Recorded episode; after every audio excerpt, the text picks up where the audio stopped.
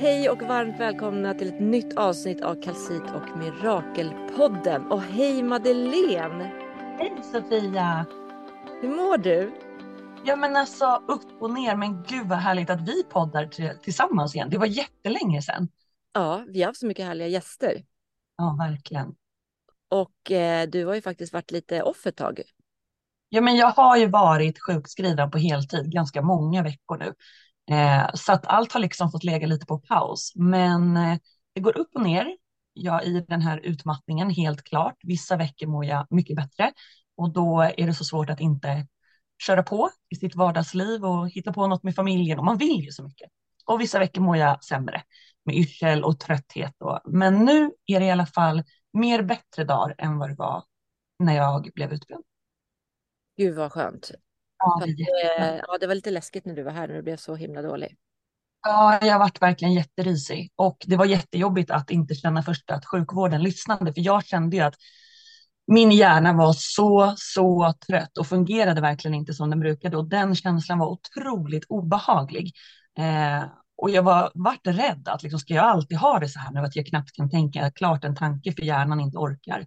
Mm. Men bara jag fick liksom pausa in och var helt sjukskriven och stänga av så vart jag ganska snabbt bättre i tanken. Liksom. Även om jag fortfarande är utbränd och liksom, trött och hjärntrött och tappar ord och liksom, ja, men, inte orkar fokusera en längre tid och allt vad det innebär så är hjärnan mycket snabbare igen. Och det är otroligt skönt, för det var väldigt obehagligt faktiskt. Ja, jag förstår det.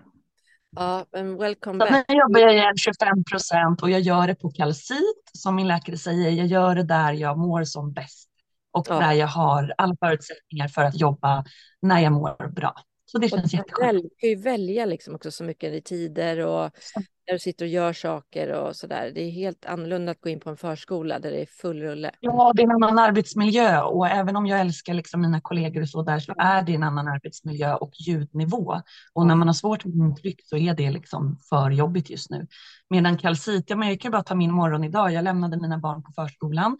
Jag gick hem, eh, jobbade 40 minuter med lite content och sen visste jag att vi skulle podda nu och kände att jag är så trött så att jag liksom knappt kan ja, men, liksom tänka. Så att jag la mig på soffan, sov 35 minuter eller liksom tog en powernap och nu känner jag mig liksom fit for a fight. Mm. Och det mm. kan jag göra med kraftigt. Jag kan lägga upp det som jag vill och det är jag så tacksam för. Ja, men det är så här livet ska vara, arbetslivet. Man ska mm. jobba efter sin förmåga den dagen. Liksom.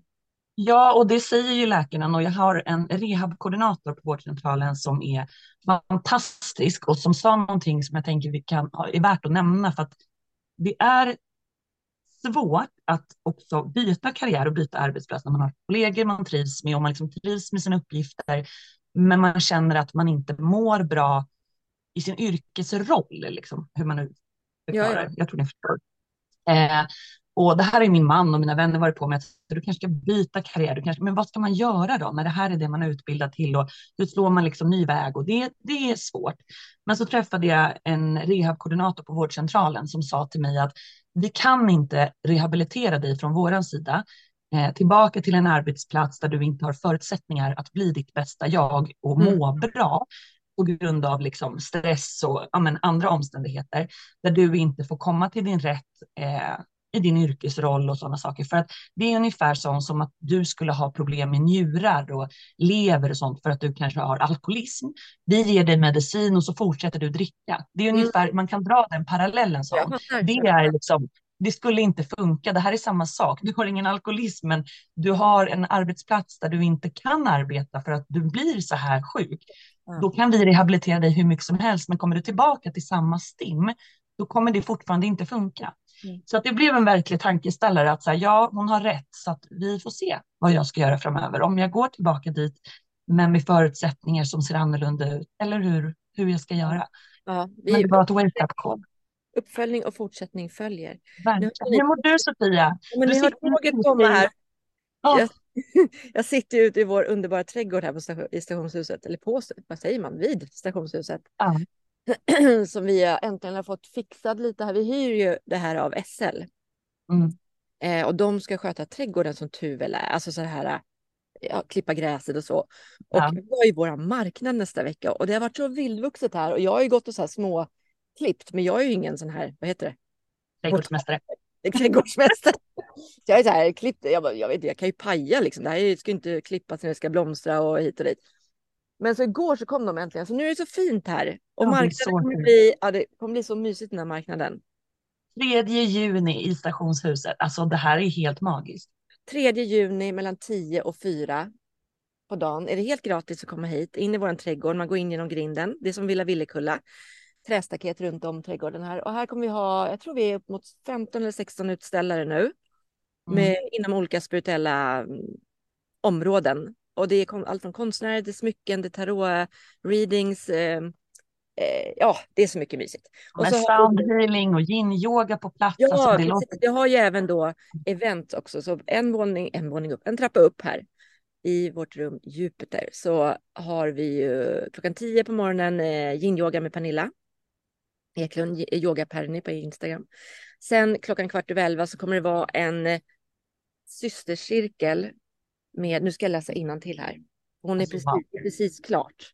Det kommer bli helt magiskt, ska vi se. Um... Ja, för det liksom tillkom ju grejer hela tiden. Det blir ja, mer nu, magiskt nu är, det, nu är det fullt. Nu får vi inte in mer den här dagen mm. tror jag. Ja, vi har klippt och klistrat lite här så det ska gå. Nu ska vi se. Nu går man då in på vår hemsida, så här, boka hos Kalsit och då kan man lätt se vad som går att boka den här dagen. Inyoga ja, eh, boka direkt bokar man allt där på. Och sen är Women's Temple Ceremony. Wow. Den du, gå in och läs om den. Mm -hmm. Mm -hmm. Alltså det här är så häftigt. Jag kommer ju tyvärr inte kunna vara där den dagen eh, med tanke på all utbreddhet och det. Men ja. alltså jag ni måste ju bara uppdatera. Jag vill vara med på allt. lite här. Ja. Och sen ja, klockan eh, halv ett så är det inkännande hatta yoga med Malin Bergström och det, hon har haft kurs här innan. Och det är så här för dig som är ny på yoga och vill liksom mm. ja, testa lite. Vad är det här med yoga och liksom, man kanske inte vill gå helt grön på en yogaklass där det är massa erfarna yogisar. Mm. Men det här är ett ypperligt tillfälle att testa. Det är halv ett till halv två. Sen klockan två, då börjar kakaoceremonin med Luna Kakao. Wow. De är ju här, de kommer bo i sin husbil här utanför. Det är så roligt. De åker, ja, de åker långt. Eh, och, och, så har de även bord här ute då och pratar om sin kakao och sina erfarenheter och sina, eh, ja vad de har varit med om ute i världen när de har rest och lärt sig om den kakaon och så. Eh, Vi borde bjuda in dem till podcasten också. Ja, och de vill vara med. Vi har pratat redan. Mm. Så det sätta ett datum. Och sen har vi då Jack Lidback och han är ju här alltså ja. från 10 på morgonen hela dagen under marknaden och kör så här skön, skön härlig musik liksom. Som är kalcinmusik. Ja. Eh, här ute i trädgården tillsammans att han står och pratar om sin hypnos och att han är också coach och så. Eh, men sen klockan ungefär när vi har fått undan marknaden lite efter fyra då rullas yogamattor ut för alla som har bokat in sig på hans sound healing journey i gräset här under bar himmel. Kör, nej, men han kör en, en sound healing journey i två timmar. Med, jag har lagt ut lite teasers på vårt Instagram. Det är, liksom, han, det är instrument, det han sjunger, det är light language, det är mantran. Det är alltså, ja, ja, ja, alltså och bara avsluta också för mig, för den här dagen kommer jag vara ja. ganska intensiv och rodda med. Att jag ska lägga ja. mig där, det är min målbild. Ja, jag förstår det. Ja. Och eh, Lina Boström kommer vara här och prata om CAP och det kommer vara eh, djurkommunikation och det är Bohemian Realities är här och so, eh, mm, Soul Image med sina prints. Ja, gå in och läs på vår hemsida. Det är så många härliga människor. Men jag bara tänker på de här SL-figurerna som kommer komma här under dagen med eh, Roslagsbanan och stanna och bara vad är det här? De kommer bli helt trollbundna av den här soundhealingen och bara vad är det här som har hänt med stationshuset? Ja, lever. Jag tror det kommer locka in många faktiskt. Och så kommer vi också sälja fika och så. Mischa kör, roddar hela köket. Så det är genom köksfönstret så handlar man som en kiosk. Så. Ja, men alltså jag säger bara, har ni möjlighet, åk till Kalsid 3 juni. Snälla, Ja, wow. ni är så välkomna. Ni är så välkomna. Så det är gratis att gå in på marknaden. Sen kostar det då att boka upp sig på de här klasserna och det. Ja. Men det finns på bokadirekt.se och bara sök på kalcit. Och hur Men... ser det ut i butiken den här dagen? Kan man besöka den och finns det några erbjudanden Ja, där? och vi kommer ha så fina erbjudanden. Mm. Tell us more. Shoppa till bra priser. Eller hur? Ja, det är helt klart värt att komma förbi nästa helg, det har jag det. Ja. Men du, den här helgen, det är lite det ja. det här avsnittet kommer handla om faktiskt. Absolut. Det är ju mors dag på söndag. Mors dag på söndag, ja. Och för mig är mors dag en sån här dag som bara betyder kärlek och glädje. Och jag står ju min mamma jättenära så det här har alltid varit en dag som vi har firat mycket. Eh, och liksom man har gjort kort till henne och man har ja, men, firade mamma och mormor stod varandra nära. Men jag vet ju också som har en mamma men inte haft en fadersfigur på väldigt, väldigt många år att den här dagen precis som Farsta var för mig, kan vara väldigt jobbig för många. Eh, för mig betyder Farsta dag mest ångest, stress, ledsamhet. Jag gick inte ens in på sociala medier under mina tonår den dagen för att jag bara kände att det var som en käftsmäll av att alla ville visa upp vad de fick men inte jag. Eh, och det var så tydligt för mig att jag saknade något som andra hade, även om jag aldrig har liksom saknat en föräldrabild, för jag har ju haft min mamma, men det liksom varit så tydligt att man kunde haft något mer. Mm. Så jag tänker, när vi började prata om det här Sofia, så fick ju du mig att inse att det finns ännu fler perspektiv eh, på den här dagen. Och vad betyder mors dag för dig? Alltså mors dag för mig är väldigt laddat. Alltså det är lite, det är mm. både, alltså jag har ju min mamma vid liv hos mig och jättenära. Hon är ju en stöttepelare, framförallt det här i kalcitvärlden. Hon, Fantastiska Anita. Ja, hon hjälper. Alltså jag har ju, hinner ju inte göra ekonomi och så länge, så hon hjälper mig med allt det. Mm. Och eh, ett jättefint bollplank och världens bästa mormor till mina barn och så. Men eh, att på andra sidan att bli den som blir firad. Mm. Att vara mamma där är ett laddat mm. ämne för mig. För det var, det är inte alla som eh, kan bli mammor. Nej. Och det är inte alla som har en lätt väg att bli mamma. Nej, det här är också viktigt att ta upp. Just som du säger att så här, det, det, finns den här delen av sin egen förälder, men det finns också den delen att, att bli firad själv. Man kanske har barn, men inte har en partner som firar mors dag. Eh, det kan finnas en sorg i det, att vilja bli uppskattad om så med en teckning, men ha en partner som inte tycker det är viktigt. Eller att man inte kan få barn, eller att man, som i ditt fall, kan ha förlorat ett barn. Ja. Så vi, att vi skulle prata Precis, och det är, alltså, jag tror det är så många som sitter och har, alltså det är, det är fan inte lätt att bli, få barn. Det är inget man får, det är en gåva verkligen som, ja. eh, det är mirakel. Mm. Ett barn, så kände jag när jag fick Lilly, mitt första levande barn. Att det är ett mirakel att få ett barn som andas. Och jag tror att det är viktigt att lyfta. Eh, när min man och jag skulle skaffa barn så var jag väldigt väl medveten om att man inte får barn. Eh, jag är uppvuxen med en nära familjemedlem där han och hans fru aldrig kunde få barn. En familjemedlem nära där han och hans fru förlorade ett barn. För jag var liksom uppvuxen med att det är inte bara att man får ett barn. Medan min man har inte de erfarenheterna i sin familj och tänkte att ja, men man vill bli gravid och bli gravid, eller vad då?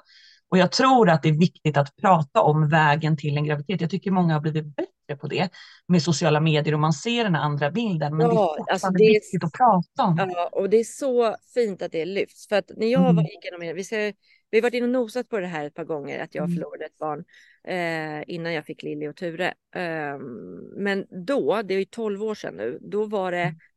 alltså jag var så, jag var så jag hittade inte svar någonstans. Jag hittade inte någon att, som hade varit med om samma sak. Jag hittade ingen, ingenting. Jag var så jäkla ut, ensam i alla de här känslorna. Och jag googlade, jag letade och jag hittade äntligen bloggar med någon som hade förlor, förlorat ett barn. Jag läste och läste, jag ville se bilder på förlorade barn. Jag, jag, man var så här, jag vet inte, som en lejonhona liksom. Som mm. eh, bara... Säg mig att det inte bara är mig det har hänt. Ja, och också att man, jag törstade information. Mm. Så var det. Så vad är det som har hänt mig? Varför känner jag så här? Vad är det här för känslor? Varför rinner min mjölk? Jag har ju inte ens ett barn. Alltså, mm. eh, det, det, var liksom så sjuka känslor. Och min man då, han, det var så, han var ju också sjukt ledsen när det här hände. Mm. Men han sörjde på ett helt annat sätt. Mm. För det här livet hade inte varit i hans mage. Det hade inte, jag, jag, han hade inte känt en sparka.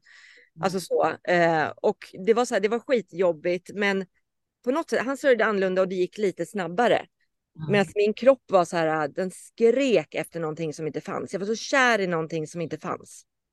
Men alltså det går inte ens, jag har ju tre barn själv och jag, det går inte ens att föreställa sig känslan att åka in till sjukhuset och komma därifrån utan.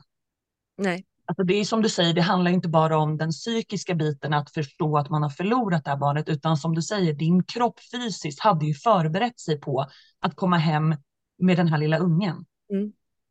Men jag vet att du säger Sofia, att så här, fråga vad du vill och att det är helt okej. Okay. Mm. Eh, så att ingen tror att jag är okänslig när jag frågar, utan vi har ju briefat det här innan. Jag vill ge det här. Jag är liksom så jag har bearbetat det här så himla mycket och jag har pratat i en annan podd för sex år sedan om det här och då efter den podden, då grät jag massor när jag pratade om det här och så. Men efter den var det som att jag stängde boken på något sätt. Det var väldigt skönt, ett avslut. Mm. Eh, hon finns alltid med mig, vår dotter och så, men det är inte det här öppna såret liksom längre. Så jag kan verkligen prata om det, säga nu, kanske jag börjar gråta ändå. Men jag känner, jag kan prata om det. Jag vill ge, om, om det här ska ha varit en mening med det här på något sätt, så är, vill jag prata om det här för att stötta andra som är i samma och hamnar mm. i samma situation. Att man någonstans kan höra om någon eller som kanske är i det nu, att shit, jag har fått reda på att mitt barn lever inte. Om två dagar säger de att jag ska föda fram det här. Varför får jag inte göra det nu? Varför snittar de inte? Varför ska jag då föda fram det här barnet? Alltså bara så här, lyssna på någon som har gått igenom att eh, jag hittar förklaringar efter varför de gör på det här sättet och mm. eh, vad händer när man kommer in? Alltså liksom så. Så fråga vad du vill. Eh, och eh, sen finns alltså, alla har ju sina egna upplevelser och så. Vi förlorade ju vår dotter väldigt tidigt i graviditeten. Mm. Och eh, jag också, det också kan vara en så här, jag vill prata om det med för att för vissa är det så här, Sofia, det var ju bara ett missfall, försök igen. Nej. Nej, men, nej, men alltså så är det för att ja, det var ganska tidigt. Och mm. att det liksom är mer, mer godkänt att sörja när det är ett fullgånget barn som man förlorar. Mm. Förstår du? Men, mm, men det här var ett barn vi väntade på till hösten. Såklart. Som, som dog för tidigt i magen. Alltså, och det var ett barn jag höll liksom i en handduk. I en korg. Alltså, ja. Eh, det är den här navelsträng och naglar och alltså, så det är ju mm. mitt första barn Trots att den inte skulle överlevt om den föddes för tidigt ja. levande. Men det, du ja. vet vilka gränser man drar. Inom ja. vecka 24 då klassas det som som ett, ett fullgånget barn. Innan mm. är det ett foster. Liksom, mm. Eller vad det nu är, jag kan, kan inte exakt gränsen. Eh, men, men, om vi backar från början och tänker så här. Jag, jag, vill i alla fall prata om det även ja. om det var tidigt. Ja, är det okej att vara, sörja på det här sättet.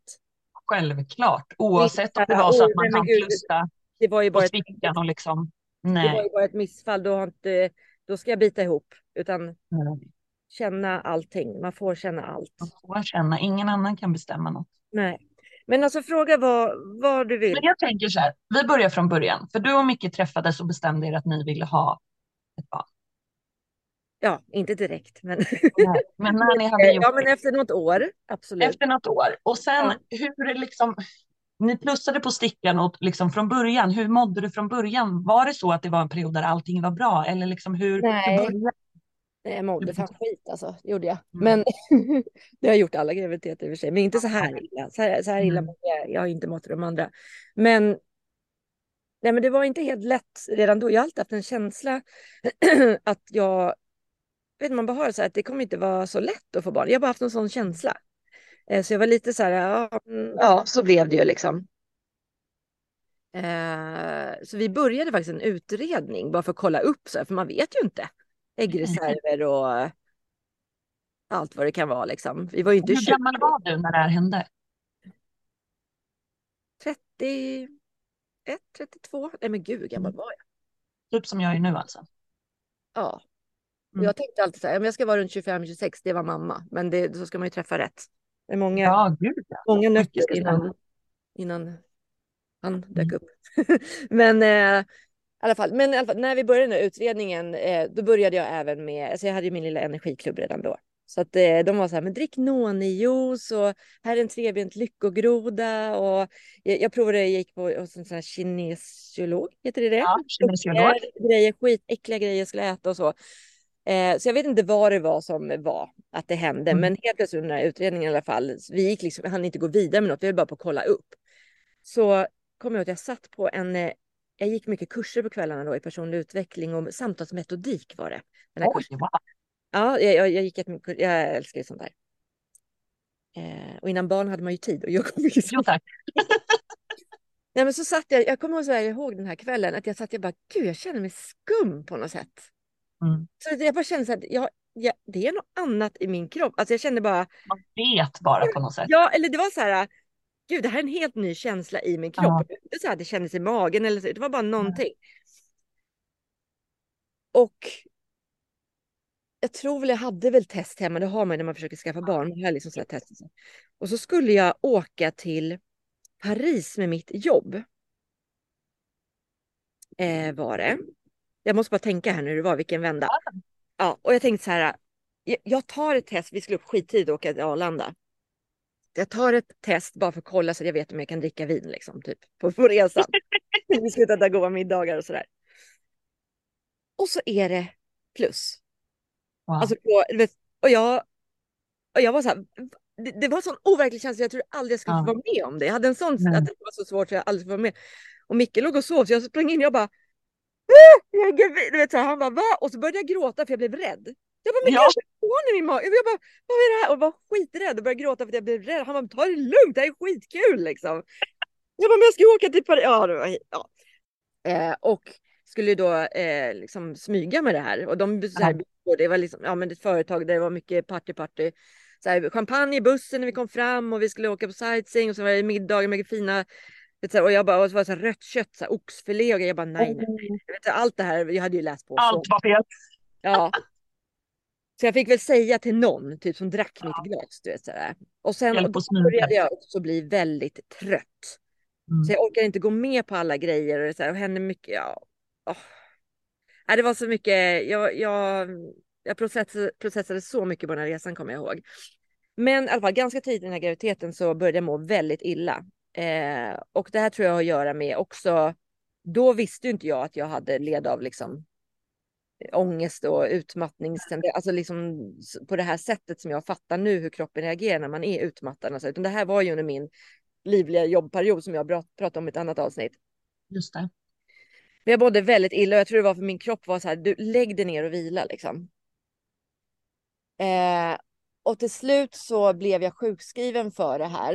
Eh, och eh, ja, för fasen, jag kunde inte ens eh, känna mycket. Alltså han fick inte ens duscha. Alltså, när han var nyduschad spydde jag. När han lagade mat spydde jag. När han, mm. men liksom allting. Jag var så jävla dålig. Eh, och det här ledde ju till liksom att jag, det blev någon sån ond spiral. Jag fick inte i mig mat och mådde ännu sämre. Och så. Yep. Men jag blev sjukskriven i alla fall och då sa min barnmorska så här, vet ni, därför det här var på vintern. Mm. Och gud, det här Musikhjälpen, jag kunde inte se det på flera år efter, för jag låg varje dag och mådde så illa till Musikhjälpen. Ja, med det på. Så det blev, det blev sån här... Oh. Associerade med Musikhjälpen. Ja, det är helt underbart program, men det var ett par år efter det här som jag bara, nej det går inte. Men i alla fall, eh, så hon, min barnmorska sa så här, vet, kan ni inte bara ta någon semester och bara åka någonstans? Så du får bara byta miljö, byta dofter, byta mat, liksom, dricka, allting så.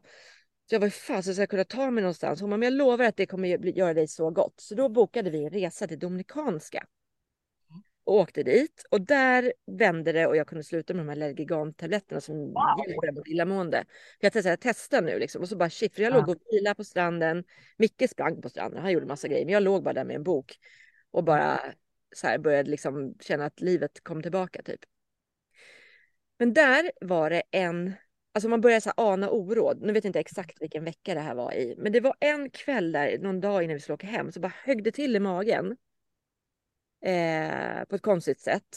Och så var det bara shit och så kom det typ någon droppe blod. Och det kan det ju göra, det är det här som är så svårt liksom. Ja. Och det här det mm. kan ju vara växtverk och det kan vara ja. det, lite slemhinnorna där inne när det växer och sådär. Så det är mm. helt vanligt liksom med blod. Och sen, jag blödde ju ingenting mer än det, men jag var så här bara, hmm, fick en konstig känsla. Och sen när vi landade, jetlaggade, kom hem, då fick jag så här nässelutslag över hela kroppen. Alltså det var klåda över hela.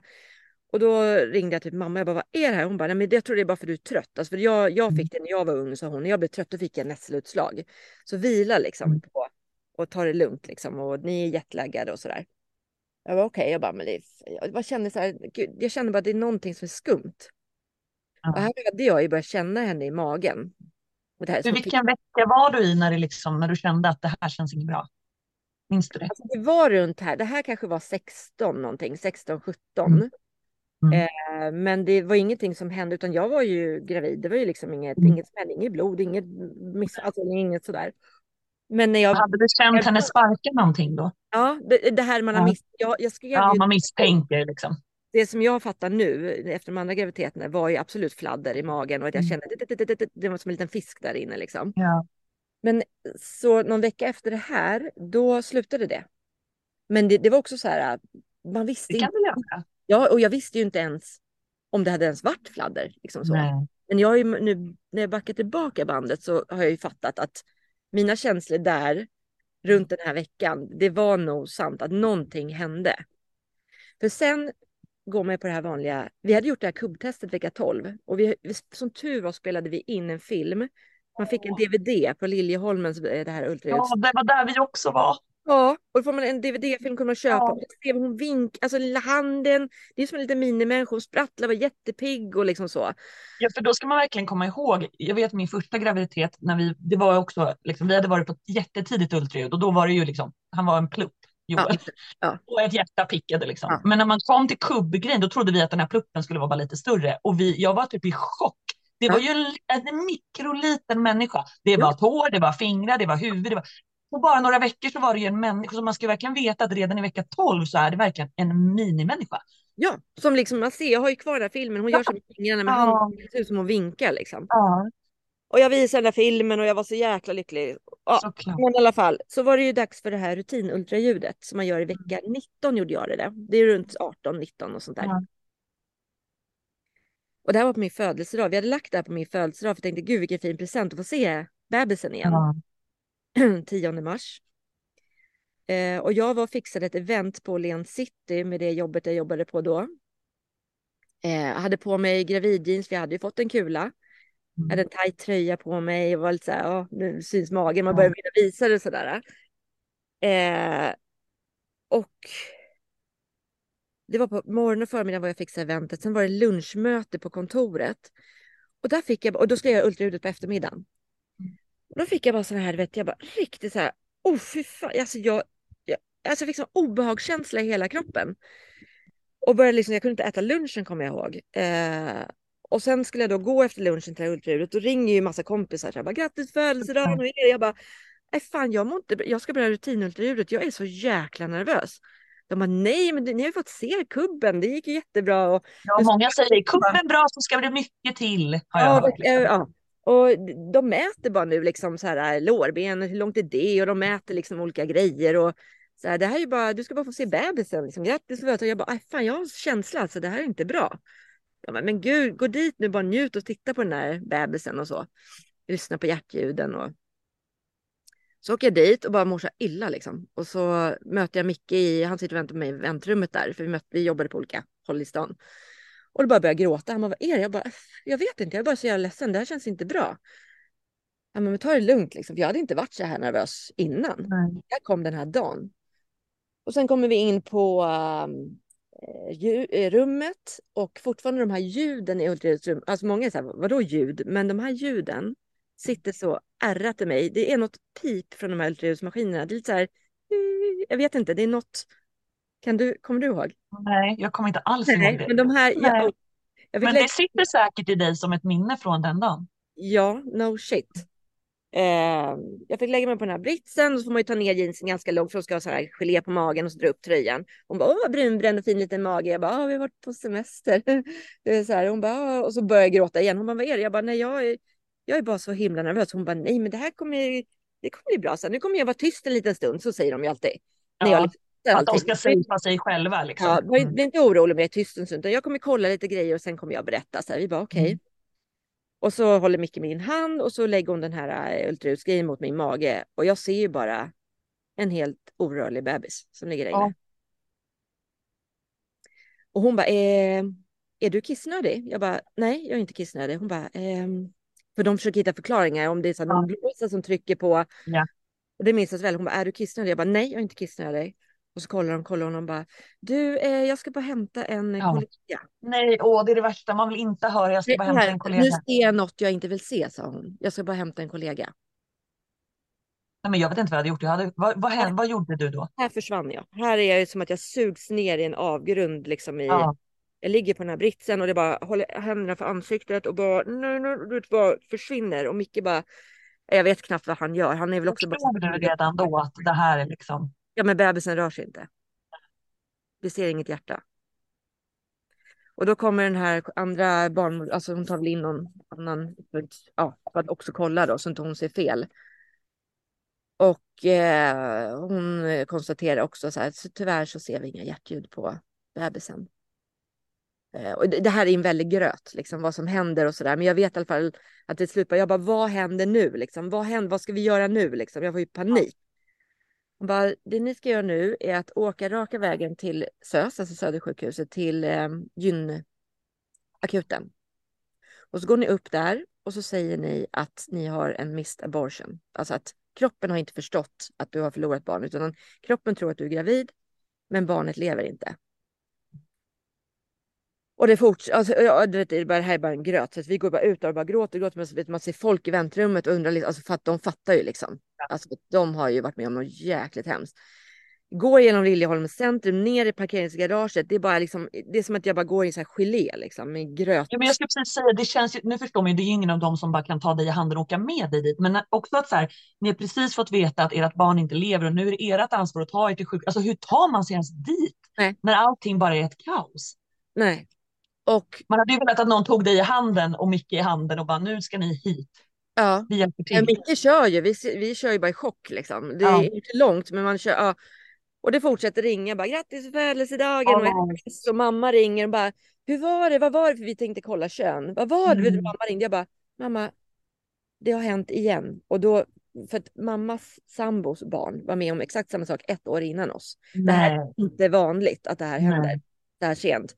Men jag vet hur ledsna de var, hur hon på midsommarafton stod med en gravidmage där det inte var något barn i, för magen hade inte gått tillbaka. Mm. Och så, så febrilt bara och letade kurser. Så bara, hon tänkte ju, hon har ju planerat mammaledighet och liksom hela sin framtid. För att fly från det här på något sätt så satt hon bara och letade hela midsommarafton, letade så här utbildningar typ. Måste göra något annat. Liksom. Nu skäller min hund, vänta lite. lite pausmusik. Okay.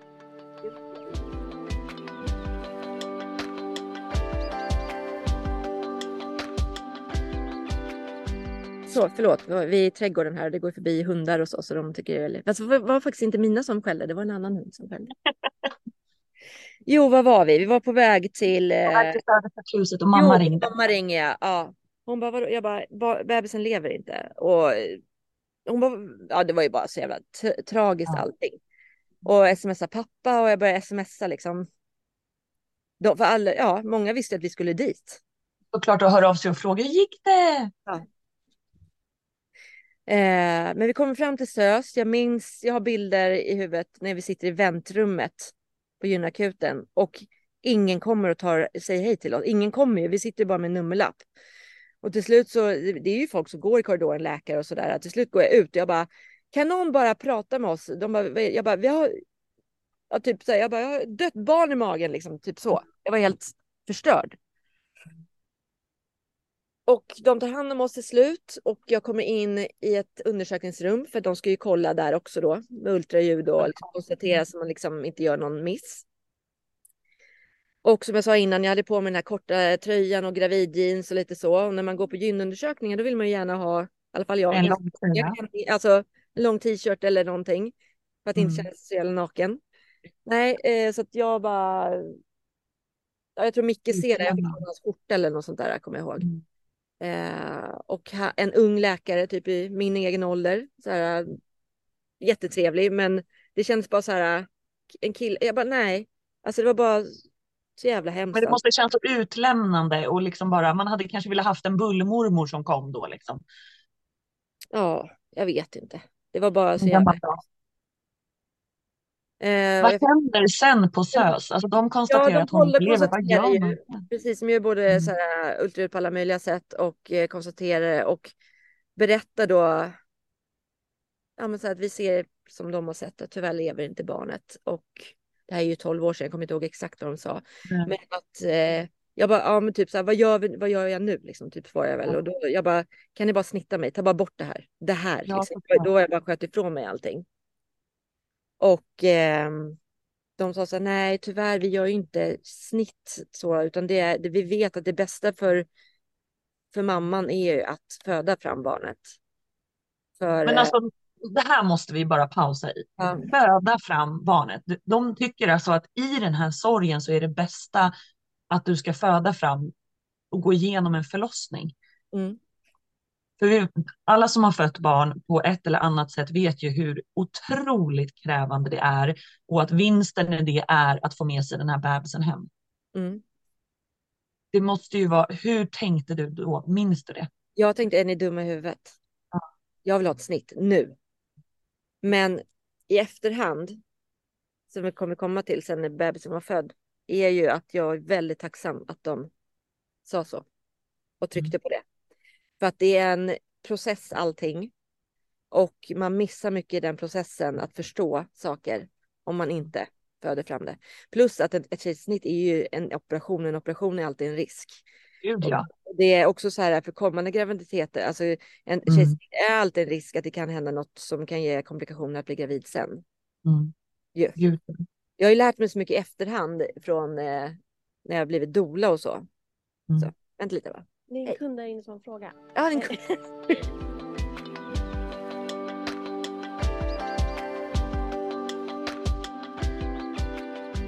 ja.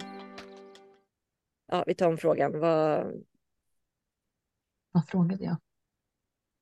Men hur går det till då? De vill att du gör en vaginal förlossning. Är det någonting som görs på plats samma dag eller hur fungerar det? Jag trodde ju det, men då säger Mm. de ytterligare en sak som jag bara... De sa så här att nu kommer ni få åka hem och bara landa i det här som har hänt er idag. Så man blir hemsläppt själv då. Ehm, och sen kommer ni tillbaka om... Jag kommer inte ihåg exakt antal dagar och Mm. sådär, för det här är, det är också det är som gröt de här dagarna. Men Ja. jag, jag skulle komma tillbaka och ta...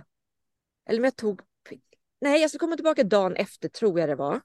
Igen. Och träffa en sköterska. Och då ska jag få ett piller och svälja så att min kropp börjar liksom stöta ifrån sig det här. Alltså att starta en förlossning.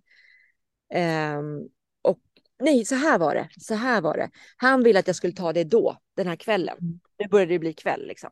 Men jag sa att nej, jag vill, jag vill, eh, jag vill, jag vill att någon, en till ska kolla på det här. För jag har läst att man har missat att det var hjärtljud. Och det, jag var så.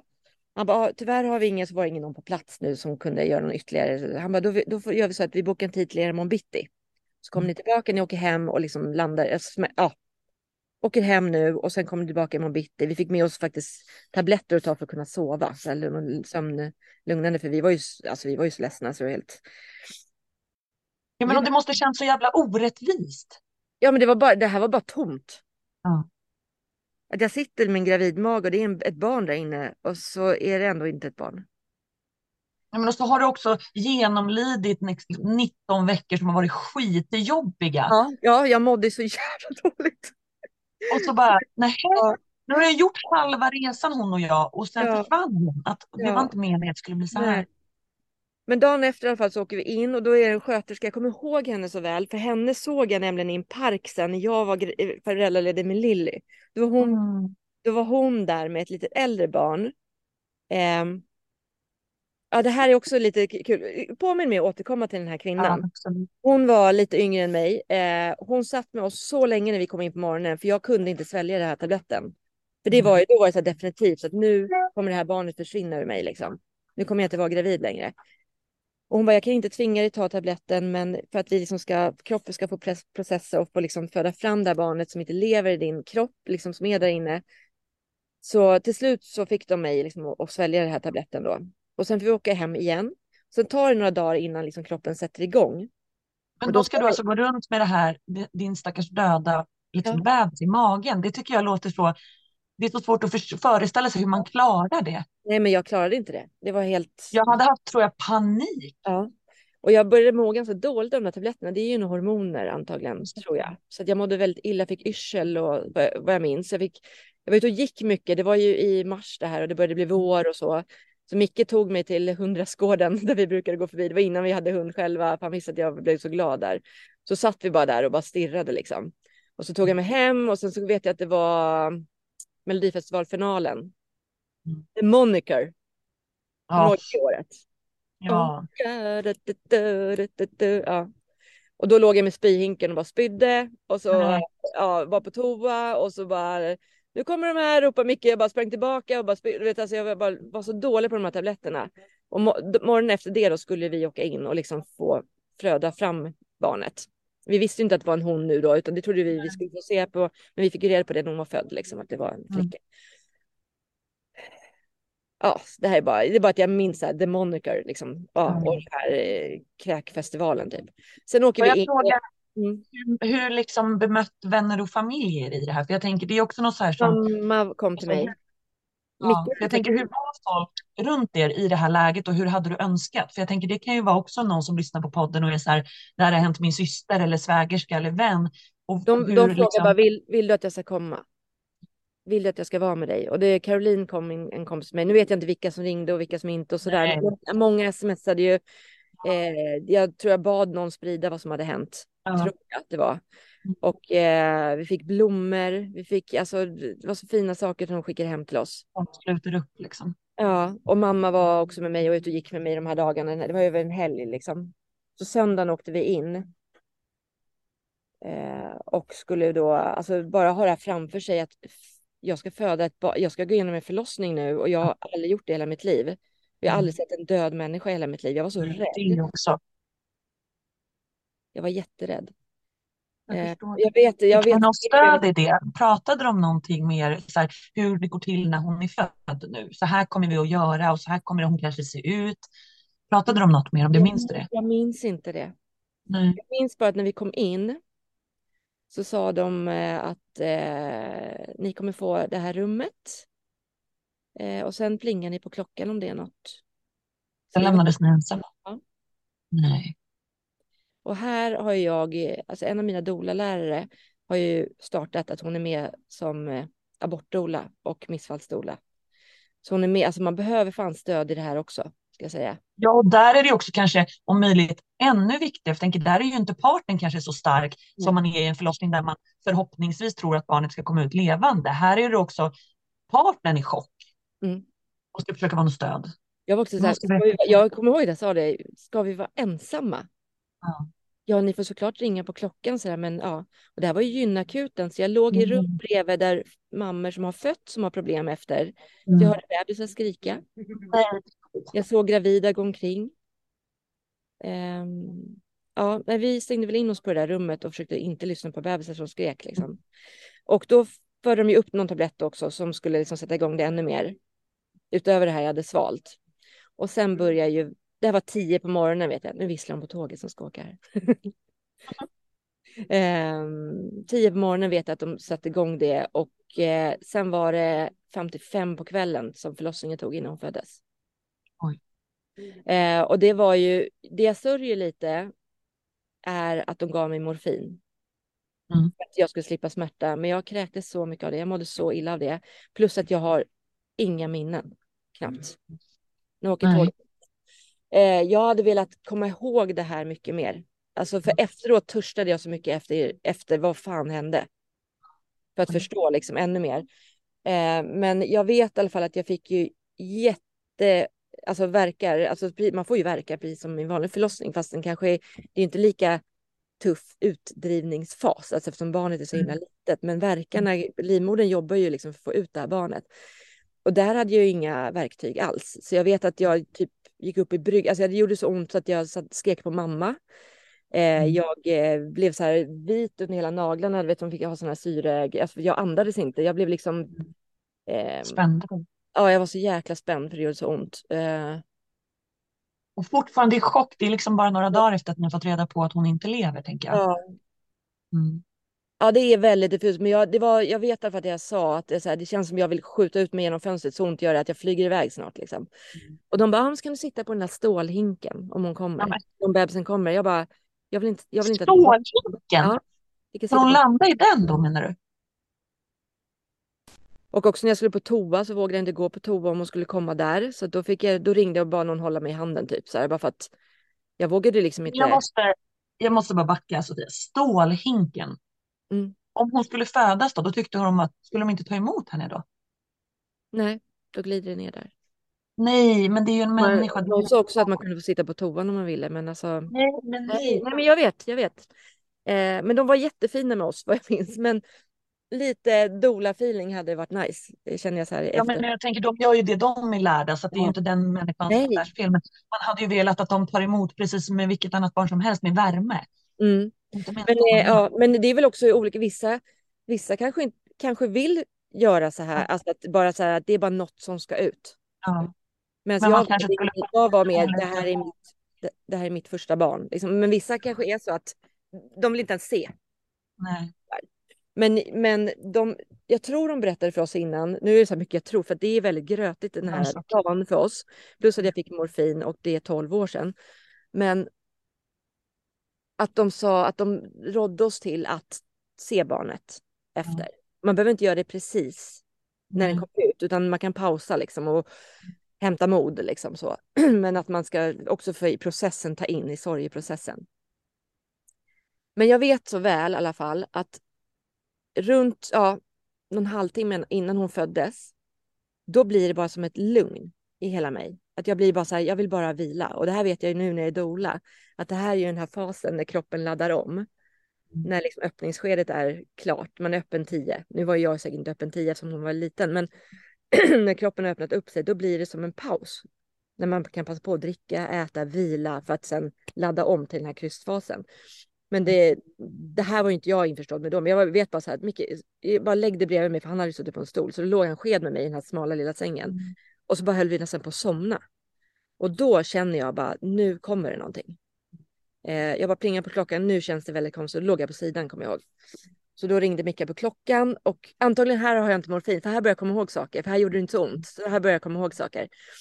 Och eh, då kommer hon in och jag kommer ihåg att hon så här, oh, satt åt middag typ så här, för hon hade typ mat vi tror att det kom, bebisen kommer, säger Micke. Typ. Hon bara okej, och så rullar hon ut sån här underlägg och så. Och så, koll- så kollar hon liksom, hon bara Sofia, nu kommer, nu kommer er bebis. Så hon sa ändå det. Bebis, Mm. alltså, det var liksom vår Ja. bebis, inte fostret eller. Och det här vet jag inte ihåg heller om vi hade sagt att det var viktigt för oss, jag minns inte. Men... Nej. Och sen, eh, jag minns känslan så himla väl med hennes värme mot mitt lår när hon kommer ut. Usch, jag börjar gråta.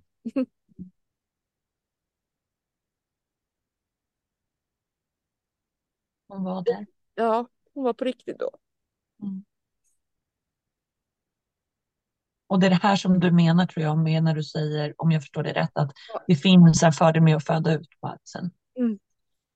För det är så mycket hormonellt också att förstå att kroppen ska få liksom gå igenom. Ehm, ja.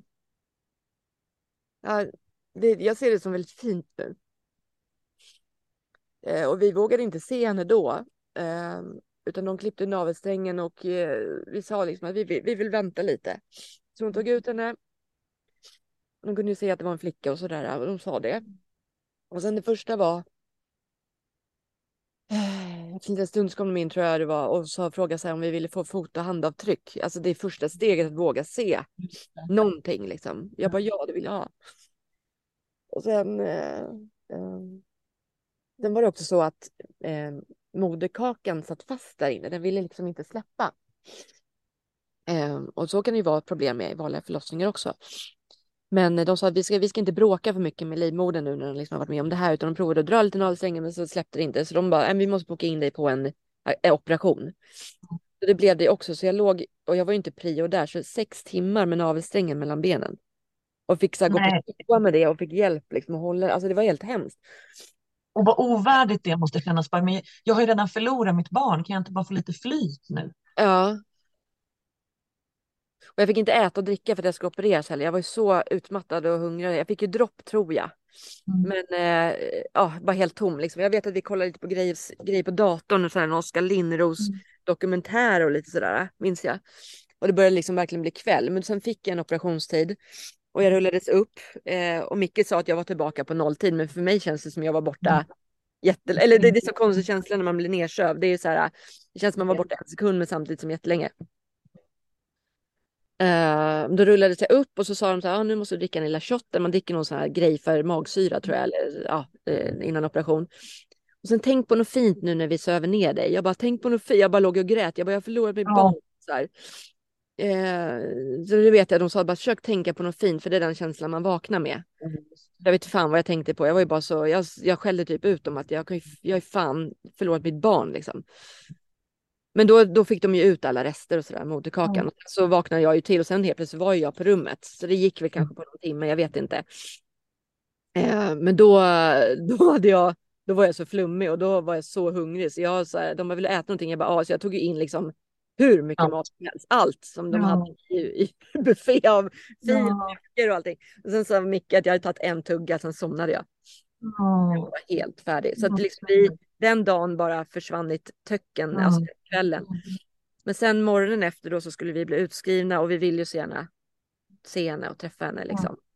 Eh, och jag trodde jag skulle vilja göra det samma kväll, men jag var ju helt väck efter den här operationen. Eh, så då så samlade vi mod till oss. Jag kommer så väl ihåg att vi satt uppe vid, vid huvudkudden, liksom, både jag och Micke så här uppkrupna, liksom, bara typ att de skulle komma in med någonting som inte vågade liksom mm. vara nära. Men samtidigt fick jag så här skam, gud det är vårt barn. Alltså det, det är en del... Samtidigt som du säger, jag vet ju inte hur hon ser ut. Jag har sett en färdig, liksom fullvuxen bebis, men det här vet jag ingenting om. Nej, och då berättar de innan att så här kommer det gå till. Vi kommer komma in med en vit liten korg mm. eh, och där i ligger hon och vi har en handduk över. Och sen kommer de, tar vi, börjar vi med fötterna så, så drar vi bort handduken lite mer får ni se fötterna. Och då hade hon så svarta fötter för de hade gjort fotavtrycken. ja, och så började de dra upp mer och mer och mer så kom magen, så var navelsträngen. Och så de armarna och naglarna och fingrarna. Och sen så till slut så vågade vi liksom se hela henne. Så hon låg ju bara där. De, de är ju liksom inte färdigutvecklade alls. Det är ju människor, men det, de ser nästan lite så här som brännskador. Jag förstår att öronen sitter liksom in mot huvudet, huvudet och... Eh... Jag har inga ögonfrans, de har inte så mycket hår ännu. Nej. De barnen jag har sett, alltså Det är få. som en liten, liten alien på något sätt. Liksom. Mm. Det, var ju vårt barn, det var ändå så här fint, det var jättefint och vi grät och vi grät. Och jag vet att Micke sa, vi har ingenting att ge henne, vi har inte med någon nalle, vi har ingenting. Alltså det, något sånt där vill man typ skicka med. Så det är väl också om man är med om något sånt här att man vill gärna ge någonting, man vill lämna med någonting. Vi hade inte det. Vi hade kärlek att ge henne. Ja. Men så jag vet inte hur länge vi satt där i alla fall, men till slut så... Har några bilder på henne? Vad sa du? Bilder på henne? Nej, vi tog inga bilder. Jag kände inte att jag ville det. Nej. Eh, men däremot så ritade jag en, en, eh, en teckning ganska nära inpå. En skiss i blyerts med exakt Mm. Var den liksom, hur hon låg i positionen med benen. Hon låg lite upp med ena benet och händerna hur de låg och sådär. Så jag, jag har det i huvudet liksom hur, hon, hur det såg ut. Men i alla fall så, ja de tog ut, men sen skulle vi skrivas ut och vi skulle prata med en kurator innan vi gick därifrån. Som jag hade kvar som stöd efter också, så länge jag ville. Så det var jättefint.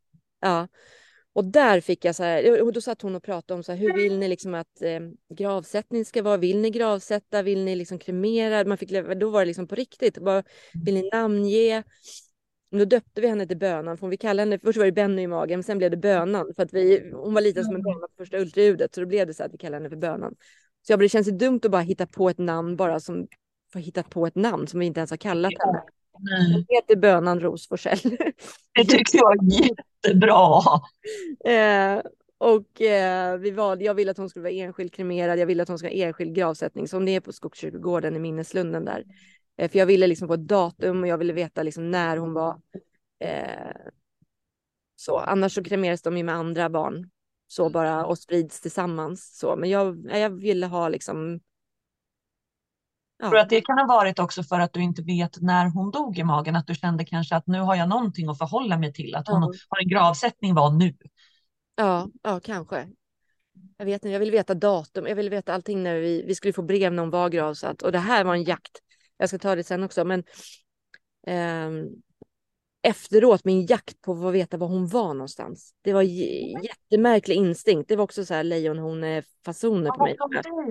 Ja, men, men när vi skulle gå ut från kuratorn, då fick jag en sån här, jag bara, jag kan inte lämna sjukhuset, jag måste se henne igen, jag måste hålla i Vi höll inte i korgen, vet, så här. jag var bara, mm. se, de bara, det är lugnt, hon är kvar på avdelningen, det är bara, vi går upp, vi tar fram, eh, alltså det är liksom, mm. vi löser det. Så fick vi gå upp igen och fick gå in på vårt rum och så kom de in med henne igen och då var det så här kallt, för då har hon ju varit i en kyl, hade hon, innan visste de att vi skulle träffa en viss tidpunkt, då hade hon värmt upp. Nej men alltså då var hon ja, inte... Ja, men då fick vi liksom sitta med henne igen. Och bara titta och titta och titta och titta liksom så här. Och det är det sjukaste, nu börjar gråta igen, men att ringa på en klocka och be dem ta ens barn. Nej. Mm. Men den känslan när de går och man vet att det är för alltid, det går inte att föreställa sig Sofia. Nej. Och lämna henne där och gå hem. Ja. Nej, det var för jävligt. Jag är så, så ledsen för att ni behövde uppleva det. Det går liksom inte att ta in. Men alltså det här är ju nu liksom, det är ju en sak som, ja jag märker det rör ju upp saker när man pratar om det men. Ja, fy fan. Men vi tog oss därifrån i alla fall. Eh, och lyckades trycka på knappen och be dem hämta henne liksom. Och dagen efter vet jag inte, men jag vet i alla fall, jag minns här, du vet den här vårsolen, det förknippar jag alltid med de här dagarna när det började bli riktigt varmt. Vi gick längs Södermälarstrand, eller vet, nedanför Sös där, vad heter det, efter Tant och allt det där. Är det Södermälarstrand kanske det är? Det står helt still. Men vi gick mycket promenader i alla fall. Jag ville gå runt sjukhuset hela tiden, för jag visste hon var ju kvar där inne. Mm. Tills hon skulle kremeras liksom. Och jag visste inte när hon skulle lämna sjukhuset. Så jag ville liksom, vi bodde på Söder då, så jag gick promenader, jag var med vänner, jag var med Micke. Vi satt på bryggorna där nedanför vid båtarna och bara... Ah, och brösten bara var helt så här, det bara rann mjölk så vi fick linda dem så här hårt för att det liksom skulle lugna sig. Och, eh, Men den känslan måste varit svår också, att kroppen, som du säger, kroppen är inställd på ett barn. Vi pratade om det i början, att man sörjer olika. Du hade ju haft henne. Du har haft henne så många veckor redan ja. hos dig. Ja. På något sätt. Ja, det är verkligen, eh, ja, man är, där är det djuriskt liksom att kroppen mm.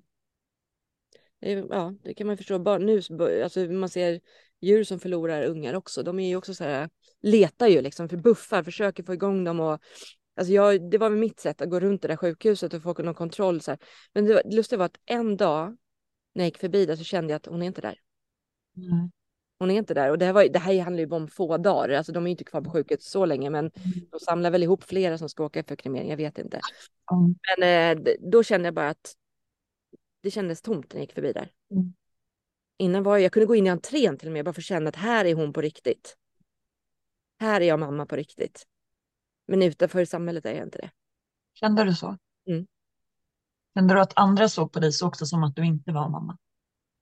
Men det var ett missfall mer för fler. Tror jag. Mm. det är så hemskt att, att man kan säga så om någon som har fött fram en bebis. Mm. Ja, men alltså, det, det spelar ingen roll. Ett miss abortion. Alltså, ja det spelar ingen roll för man är ju liksom, man blir på något sätt mamma från att man vet att nu har jag en bebis i min mage. Ja. Så ställer man ju sig in på att det är så det ska bli oavsett om det är i vecka sju eller. Jag minns den här känslan, jag går runt i mitt vardagsrum, jag bara går och går och går. Och just det som jag sa innan, att man är så kär i någonting som inte finns hos en. Det bara skrek här i bröstet liksom. Det var hemskt. Mm. Ja. Men, men det konstiga är att det här, det sa jag också i den här första podden jag pratade om det, för det var förlossningspodden som är, drivs av Emma Philipsson som jag också sen gick i doula för. Då minns jag att jag sa till henne också att direkt efter förlossning så fick jag ju det här kicken, precis som man får när man har fött mm. barn, ett levande barn, att jag ville bara göra det igen. Jag fick liksom en sån här... Du kände ändå så? Ja, och det är det också mm. det här att eh, att det är därför viktigt kanske att göra den här förlossningen mm. för att man får en kick att våga bli gravid igen. Man vill föda igen, man får en så här påslag av oxytocin som heter duga. Som, du har ju aldrig så hög oxytocinnivå i kroppen som när du precis har fött barn. Nej, wow. Eh, och jag ville bara i de här gravidjeansen igen. Mm. Alltså det var bara en sån grej. Så jag blev inte rädd. Men jag vet att de sa till oss när vi åkte därifrån att vet ni, det kommer gå snabbt nu. Om ett år är ni här och föder ert barn, ett levande barn. Jag bara, det kommer aldrig hända, för då var jag så ledsen liksom. Men, men det, det hände ju. Och det här är också, nu kommer det spirituella in i det här. Mm. Att när jag kände att hon inte var kvar där eh, så började jag ju processa vara här och nu. Jag började leta på Skogskyrkogårdens eh, alla register hitta hennes namn någonstans. Var ligger hon? När ska hon gråta? Jag var så här, jag måste veta var hon är nu. Vad är mitt barn? Liksom, den här jakten efter sitt barn. Ja. Jag började liksom utreda eh, vad har hänt? Obduktionsgrej. Eh, det var min nästa fråga också. Ja. Vet ni vad som hände henne? Nej, vi vet inte. Vi ville ju veta, gjorde ju obduktion bara för att veta om det är någon genet, alltså någonting för framtiden, ja. som första mm. barn. Eh, det var också så här, de bara, ah, nu är obduktionsrapporten klar. Du är välkommen till eh, eh förlossningen. På Nej! Specialistmödravården där. Så ska du få träffa läkare. alla andra gravida sitter. Så att, jag tog med min mamma. Eh, ja. och med alla höggravida som sitter och ska föda. Där sitter jag och ska reda på vad mitt barn dog av. I ett rum. Varför kan de inte ta in en i ett annat... Sverige. Här måste man ju liksom någonstans tänka att det ska finnas en separat avdelning för människor som har förlorat sitt barn, mm. som ska föda fram sitt barn och som vill veta vad som händer sitt barn. Där mm. allting bara ska vara mysigt och fluff och omtänksamt och där man kanske kan få få frågan när du föder ditt barn nu, vill du att vi tar emot ditt barn då? Alltså som du säger att de gör ju det de är inlärda, men ja. man kanske behöver få, nu kanske det ser annorlunda ut idag, mm. Men det här lullullet runt omkring är ju ännu viktigare. Det är så själsligt. är så själslig sorg också, så det är liksom jätteviktigt med det där. Um, ja, och den läkaren var så kall när hon berättade den här obduktionsrapporten, så det var liksom bara, jag bara, jag var bara så upprörd efteråt, hela den grejen. Men i alla fall, de hittar inget fel. Um, så det var ju så här, bara, det är bara att försöka igen, liksom. det är ingenting ni behöver tänka på eller där. Men i alla fall, veckorna går eh, och eh, jag får eh, undrar vilken ordning det här var. Jo, precis så här var det. Jag får reda på att hon är gravsatt den 2 juni. Eh, och åker direkt bara. Och varje månad är jag där. Den, alltså den 13, för hon föddes fram den 13. Fick reda på det här 10 och den 13 mars är hon född. Eh, så 13 varje månad åker jag dit liksom med rosa ros varje månad och sitter vid den här bänken och bara är med henne. För jag kunde inte släppa henne. Men i juni där får jag reda på att jag är gravid. Och då är, Nej. det, då är det Lilly som är i magen. Nej. Och det var också så att det gick så snabbt. Det var också helt otroligt. Eh, jag tror min kropp redan var, den var redan gravid. Alltså den var fortfarande gravid. Det var uppbäddat och ruggat och klart där. Det var bara ett... Den fortsatte på sitt spår som en. Bara, puff, här sätter jag mig. Mm. Här är eh, redan boat och fint. Mm. Stora syster har gjort plats åt mig här. Ja, och det känns som mm. de själarna gick i varandra på något ja, sätt. Ja, jag förstår det. Och det. Det är också det att när jag räknade bak då, när man räknar så ägglossning och sånt där, när man mm. kan bli gravid, så hade jag ägglossning med Lilly den 2 juni när bönan blev gravsatt. Nej. Så det är som att en själ gick ner och en själ gick upp med marken. Liksom. Så det är väldigt fint. De hänger ihop på något sätt. Liksom. Det känner jag. Jag ser inte bönan och som... Och tjejer också. Mm. Jag ser inte bönan som en, en bebis. Jag ser det som mm. någon äldre själ. Det är därför jag inte saknar en bebis längre. Det är mer mm. en person på något sätt. Mm. Så det är, ja, och de energiklubben var ju så här, alltså jag fick ju så mycket stöd av alla vänner. Mm. Men just på det spirituella planet, liksom, att det var en själ som inte var redo att komma än. Nej. Men var här för att lära dig liksom. Ja, hon var här för att liksom bana väg för någonting. Jag menar, mm. din, din dolaresa kanske ligger något i det här också, just det här att, att kunna vara ett stöd. Absolut. Mm. Och eh, det, det, är också den här kluvna känslorna att hade det här inte hänt så hade ju inte jag haft Lilly. Nej. Nej, och jag tänker om man Den är jobbig. Det. Den är ja, jobbig. Exakt. Jag är tacksam nu för att annars hade inte Lilly varit här. Nej. Men det går inte att vara tacksam för att man förlorat Alltså det är mm. väldigt kluvna känslor. Nej, och vågade du liksom, vågade ni vara glada? För den tänker jag också att så här, hur rädd var du den graviditeten? det är ett mm. annat poddavsnitt. Ja, jag fattar det. Den var ju kaos. Så det var ju, mm. det här är ju min eh, andra utmattning. Eh, alltså det mm. här är ju, jag tror jag har haft posttraumatiskt av det mm. här. Eh, som har satt ja, allt. Det ultraljudet, rutinultraljudet, förlossningen med Lilly. Alltså jag kan inte ens ja, föreställa mig. Lillys graviditet var ju, alltså jag var inlagd för jättestora blödningar för att hon, eh, hon, hon satte sig ju liksom. Eh, de tror att det är lite ärret eller i... Ja, ärrvävnad. Nej, vänta, det var Ture. Vänta, det var en till. Ture satte sig i Lillys ärrvävnad för det blev akut snitt. För att hon, Aha. där satt moderkakan för utgången om man säger så. Ah, okay. och det var störtblödning på störtblödning och jag trodde hon skulle dö hela tiden. Så det var ju liksom en anspänning i, ja hon kom ju sex veckor för tidigt på grund av det här för att vattnet gick då och akutsnitt och jätteblödningar. Så det var ju, det var, ja det har varit eh, en ganska krokig väg till mina barn. Verkligen. Men, ja, eh, och som du säger just att våga glädjas åt nästa barn när man precis har förlorat. Mm. Det var redan i vecka 10 som jag började blöda med Lilly så det var rädsla från början till slut. Mm. Ja, men det är någon skam i att vara glad för, eh, för det barnet som man liksom fick. Precis som du säger att så här, man sörjer ett barn och vet att nästa ja, hade alltså, Vi var så glada för Lille, alltså så glada. Vi har pratat om bönan med henne från start liksom. Hon säger att det är hennes skyddsängel och hon ramlade av hästen så, när hon var liten. Hon bara, det var min skyddsängel, bönan som gjorde att det gick bra. Jag älskar det. Såklart det är. Ja, vi har ett äppelträd i trädgården som är efter bönan, så varje nu blommar det och då tänker jag på henne. Hon är liksom mm. med hela tiden och länge, länge hade jag framme det här fotohandavtrycks i en ram, men sen började det blekna lite för att vi hade framme och jag vill inte att det här ska blekna så jag har lagt undan den bilden nu. Men hon har varit med liksom med barnen vid deras foton med de här handfotavtrycken mm. alla år på byrån också liksom hemma. Eh, och jag pratar liksom helt öppet ofta så här att, ja, nu som den nära intervjuade mig i reportaget här och ja, hur många barn nu? Ja, två och ett i himlen. Alltså hon är ju mm. med liksom. Eh, för hon har ju gjort mig till mamma första gången. Får jag bara säga det för de som inte ser dig just nu, att där du sitter just nu så går solen stråla ner precis framför dig från himlen. Ja, jag ser, vad coolt. Ser du? Oh, wow. Så hon är garanterat med dig. Skärmdump så kan vi lägga ut. Mm. Men ja. du måste sitta som du satt, lyfta fram dig. Jag är så rufsig. Det gör ingenting. Jag ser om jag kan skärmdumpa. Jajamän. Så att hon är garanterat med dig vännen. Mm, min lilla solstråle. Mm. Och jag har ju en tatuering också jag gjorde. Min lilla, min ängel. Ja, du har det, för det tänkte jag på. Jag har ju sett Ture där. Får jag se? Min ängel. Mm.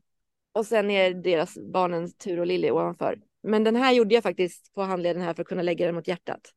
Ja, såklart. Mm. Men kände du så, om man ska prata det här spirituella, jag kan ju absolut inte relatera och jag är livrädd för att människor som lyssnar på det här avsnittet ska tycka att, så här, att jag är kall eller fråga. Alltså det är så svårt jag tycker du är fantastisk, för du, jag behöver inte fråga, för du berättar allting som jag skulle vilja, skulle vilja fråga. Hur såg hon ut? Eller hur gör man efteråt? Och, och samtidigt så, så är det så svårt att ta in, för att det är liksom för, för sorgligt och för svårt.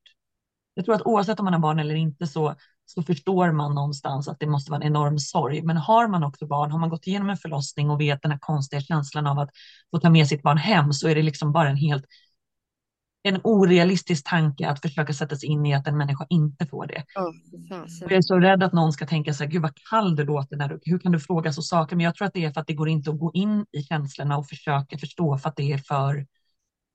Och sen sa jag till dig innan att fråga, alltså jag är ja. ju öppen med det här för att jag, alltså jag skulle, jag skulle vilja skriva en, en bok om det här. Eller alltså jag skulle vilja för som sagt, när det här hände mig, när jag satt hemma själv sen, jag var hemma en vecka från jobbet, det är också så här galet, gick och jobba igen efter en vecka, för att jag, jag blev sjukskriven en vecka, jag var hur ledsen som helst. Nej. Men eh, eh, jag letade så mycket information och det enda eh, bok jag hittade, jag tror den hette Den lilla sorgen. Den lilla sorgen? Den lilla sorgen, när man har förlorat uh, ett barn, eller om det var ett mm. missfall, eller om det handlade om det. Um, det var det enda jag hittade. Och jag letade i bloggar och det, information. Det, det skrevs inte någonstans. Kommer du ihåg en, en tjej som skriver mycket kröniker som heter Malin Wolin? Ja. Hon förlorade också ett barn i den här, strax efter mig i vecka 19. Och hon skrev mycket om det. Så henne, jag, gud vad jag läste hennes bloggar. Mm. Så att det, mm, det, ja, det, ja, jag är så glad att det pratas mer öppet nu om graviditeter, missfall, svårigheter för barn. Eh, det, det, har vi ju alltså tur i IVF. Även fast vi lyckades med bönan och Lilly så behövde Ture bli en IVF-are. Och han, det är därför han är tur, Ture. tur. Tur med Ture. Och det känns så konstigt, ibland när jag åker förbi Sofia-hemmet, så här bara, ja, där har han legat i ett skåp i två dagar. Det är också helt sjukt. Han flyttade in i mig. Det var jättekonstigt. Den måste vi, ja, vi, vi måste prata mycket om det. Jag vill tipsa om en till sak när vi ändå pratar om det. Det var därför jag var tvungen att stänga ner oss och se här Sofia. För att det finns en tjej som jag har följt jättelänge. Jag hoppas och tror att det är helt okej att man tipsar om hennes Instagram. Eh, jag har följt den här tjejen på Instagram. Jag, jag vet inte hur många år, tio år kanske. Eh, och hon skulle få sitt, vad blir det, en, två, tre, fyra, fem, sex, sjätte barn. Eh, I slutet av förra året tror jag att det var. En liten Ilse som eh, också kom för tidigt eh, och som de i efterhand i sjuk, på sjukhuset har kunnat konstatera att hon hade inte behövt gå bort. Men man lyssnade kanske inte tillräckligt på eh, mamman Patricia när lilla Ilse skulle födas. Eh, och hon har, hon heter Patricia, Li, nu måste jag så att jag säger helt rätt här.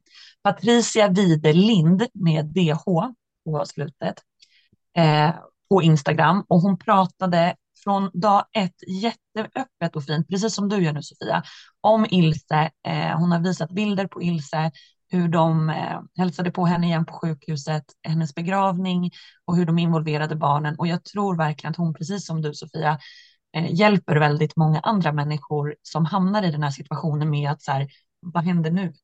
Mm. Vad, hon förlorade sitt barn på förlossningen, men fortfarande, vad händer nu och hur får man sörja? Många tyckte kanske att man inte visar bild på den här lilla Ilse, men alltså mm. hon tyckte att det här är mitt barn, jag är jättestolt över Ilse. Ja. Även om hon, liksom, hon levde i si och så många timmar och jag, jag, vill, jag vill visa bilder på henne för att jag är hennes mamma. Mm. Eh, jag vill verkligen tipsa om att titta på hennes Instagramkonto oh, också. Ja. Mm. ja, för det var ju där, dels också därför jag gjorde tatueringen, för att folk ska ja. fråga. Ja, fråga mig liksom. Och det är precis det som jag pratade med dig om innan. Vad får man fråga? Hur, hur vill man, nu vill alla olika, men hur kan man bemöta en människa som har förlorat en bebis? För att det är så svårt att veta vad får man fråga. Jag tycker mm. att det är fint som du säger, att jag vill berätta det här. Ja, för det gör ju också att då bönan... Är, då är hon på riktigt. Exakt. Det är inte ett missfall. Nej, och det var hon verkligen inte. Eh, ja, nej men absolut. Och jag, eh, jag svarar gärna på frågor för jag, alltså det här är, det är inte, det river inte upp, alltså jag mår inte dåligt av att prata om det. Nu mm. kom det tårar idag, men det är bara för att det är fina stunder också. Det är väldigt, ja. Ja, men det är din älskade alltså, första bebis. Ja, men, men jag kan absolut prata om det i butiken eller var som helst och mm. skriva att det inga, det, jag, jag blir inte ledsen av det och prata om det så. Mm. så det, eh, och jag har stöttat andra efter. Det är till och med folk som har tackat mig att jag delade i den här andra podden. För att de visste då hur de skulle kunna göra när deras vän var med om det här. Ja men exakt så. Eh, och, eh, och jag vill absolut inte skrämmas med att berätta om det här. Alltså det här är väldigt ovanligt att det här mm. händer så här sent. Eh, men vi måste prata om död också. Och ja, livet och döden, det är ju så. Att jag, som jag sa, efter när jag stod på ICA, någon stod och höll en liten bebis. Så bara tittade jag på det här barnet och bara, alltså vet ni, jag skulle bara vilja säga till dem så här, vet ni vilket mirakel det är att ert barn andas? Att det finns, att, det, att man känner liksom den här tacksamheten till att det funkar så många gånger. Det är helt sjukt. Ja, att allt bara klickar och det föds helt friska bebisar. Ja, men, och att folk, att man kan plussa på stickan och vara så här, om jag inte gör någonting annorlunda än vad jag gjorde för en månad sedan, utan går här i nio månader som om ingenting, så kommer det ut ett friskt barn. Mm. Det är otroligt. Ja, Men kunde du känna den tacksamheten hela tiden eller fanns det någonstans en, en ilska, en frustration i den här orättvisa känslan av varför fick ditt barn leva och inte mitt? Eller varför inte, fick... så. inte så, varför Nej. fick ditt barn leva? Men däremot eh, så när jag sett... Eller varför fick inte mitt liksom? Den här orätt... nej, nej, inte så. Nej. Men däremot jag minns så väl vi åkte till Ikea och det står en gravid tjej med en t-shirt, det står bebis på magen, du vet, riktigt stor mage och röker utanför. Va? Där hade jag, där var det nära. Mm. Att jag gick fram. Jag känner att jag gjorde ju allt rätt och du står och röker. Mm. Då kunde jag bli så här, vad i helvete. Mm. mm. Var lite mer rädd om vad du har. Liksom. Ja, men det kan man ju inte göra. Men alltså.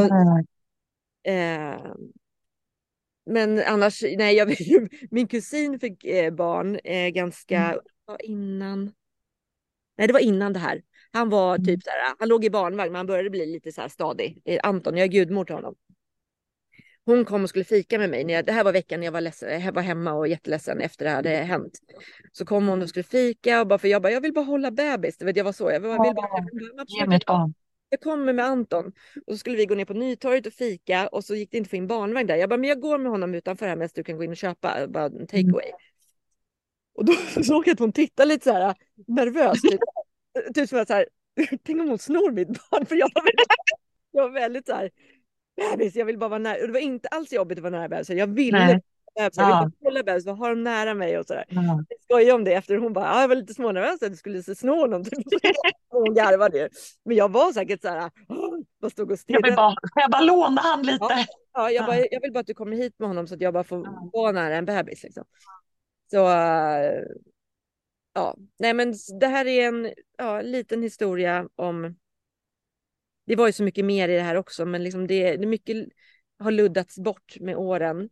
Eh, men jag hoppas jag fick fram det viktiga och det fina i berättelsen om bönan.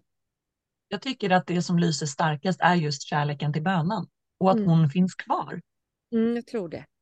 För titta nu när du sitter, nu är det ingen sol som lyser. När vi pratade om bönan och namngivelsen av att du hade, ni döpte henne till bönan och att Lilly ser henne som din skyddsängel, då kom den här solstrålen ner framför dig.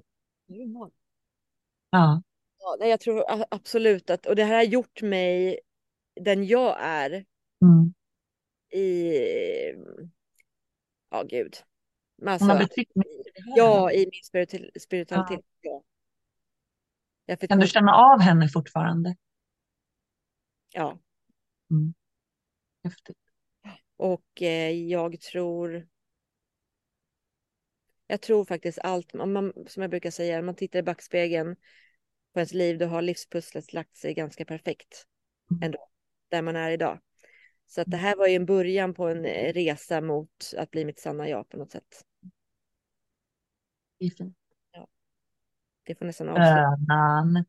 Åh. Ja, och det var också en resa om eh, föräldraskap. Ja. Eh, vi ska se vad klockan är. Jag skulle precis säga, vi får ta det i ett annat avsnitt tror jag. Det är också en del av mors dag, att det är inte alltid glass och ballonger att vara mamma heller. verkligen inte, och inte att ha blivit en nybliven mamma med Nej. allt vad den rädslan innebär. Även om det inte går att beskriva med... Eh... Ska vi göra så här? Mm att vi tar ett avsnitt om förlossningsdepression som det var det som du gick in i efter ditt första barn var fött. Och mm. att man kan komma in med frågor. Verkligen.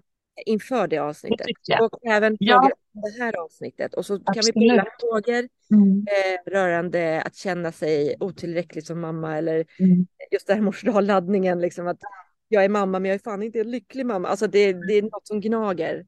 Eh. Ja, men precis och jag kan ju bara hinta om att min resa mitt, mitt föräldraskap började superlyckligt. Men att när Joel var två veckor så fick han vad vi trodde var ett andningsstopp. Mm. Och vi stod där hemma nyblivna föräldrar, 25 år, med den här bebisen som bara hänger ledlös i våra armar och vi får inte honom att andas. Och att det som sen visade sig ha varit en reflux, alltså det här som barn har som gör att man kan gå på babysim och doppa dem i vatten, att de stänger till luftvägarna. Det var det som hade hänt med Joel, men vi upp, liksom, det kan de göra ganska länge.